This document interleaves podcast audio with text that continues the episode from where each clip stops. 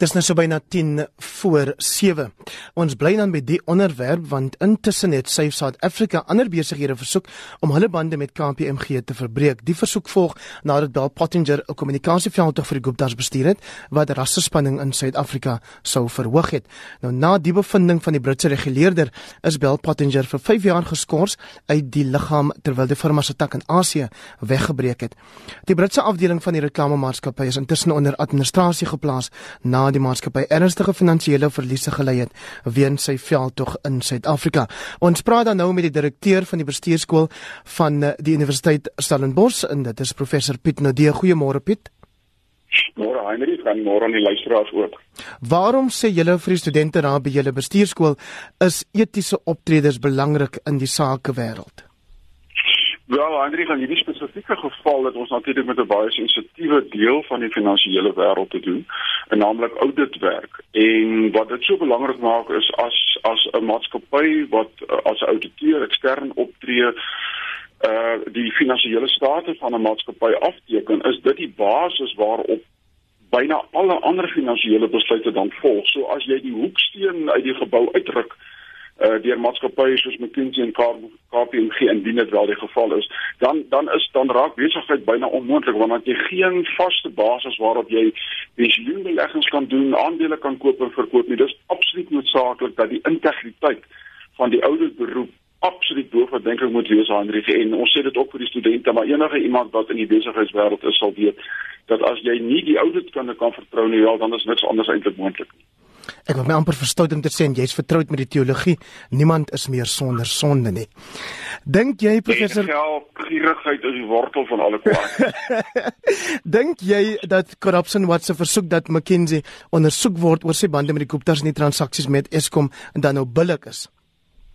Dis 'n absoluut billike versoek. Eh, dis 'n versoek tot 'n ondersoek. Met ander woorde, Corruption Watch maak nie uitspraak oor die skuldigheid al dan nie van uh uh van die uh maatskappy nie. En die rede en ek het dit nou by die insetsing ook gehoor, die rede hoekom hulle dit natuurlik na die FSA verwys is uh uh aangesien die FSA se se se uh departement van justisie het beide die politieke wil uh en ook die die kommersiële kundigheid om hierdie soort sake met groot effektiwiteit af te handel. Ek kan vir jou en die luisteraars 'n lang lys gee, ek sal dit nie doen nie, van die suksese wat hulle behaal het teen banke in die in in die FSA self, banke in Europa, uh uh selfs banke in Switserland wat groot boetes opgelê is omdat hulle nie eties korrek opgetree het nie.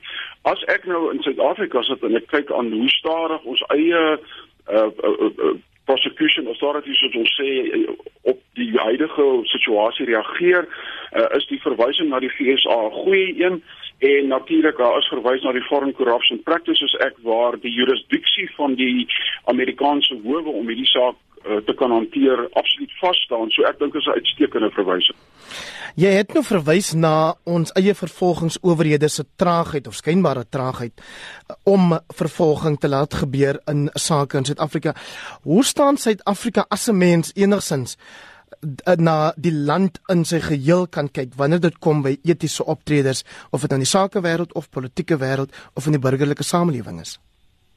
Wel, uh, ons het 'n paar aanwysers aan. Die een is natuurlik die die die jaarlikse uh, uh korrupsiebarometer wat uitgebring word deur uh, Transparency International, hulle hoofkantoor is in Berlyn.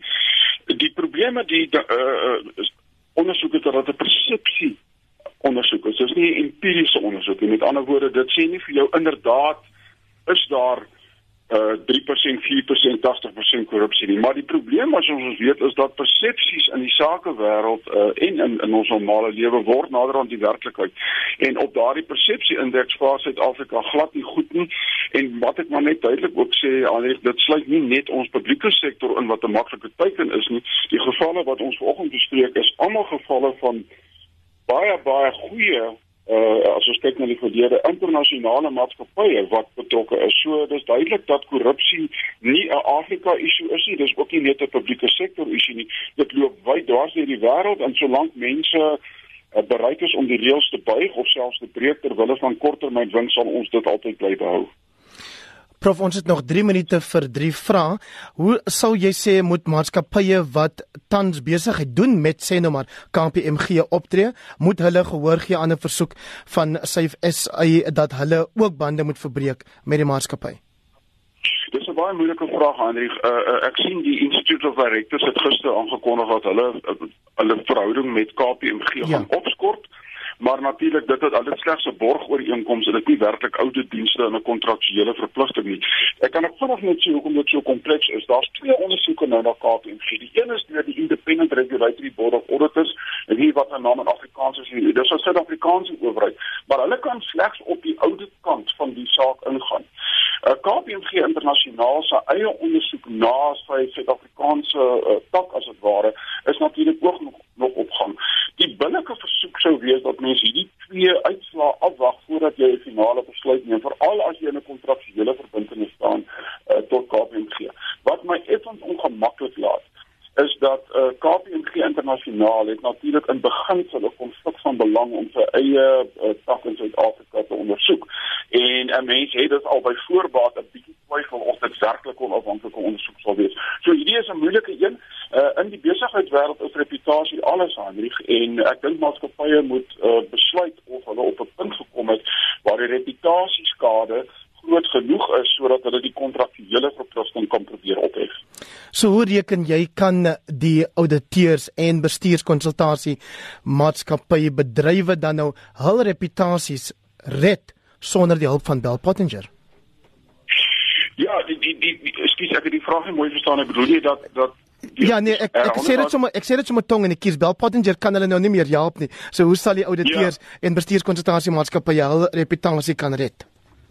Ja, nee, ek ek kom kom ek sê eers dit is, is verskriklik belangrik dat jy in die besigheidswêreld besef dat jy word geken aan jou vriende. Dit gaan aan reputasie uh, aanrig oor assosiasie. En en en en wat Bell Pottinger vir ons gewys het is as daardie so assosiasie 'n punt bereik het waar jou assosiasie met sê maar Bell Pottinger of wie ander jou eie reputasie op die spel begin plaas, dan moet jy harde besluite neem en jy moenie te lank wag nie want die punt is soos ek net al gesê het, assosiasies skep persepsies en persepsies word werklikheid en dit het 'n geweldige impak op jou besigheid. Piet nou die in een sin, wat is die eerste gebod wanneer dit kom by etiese optrede?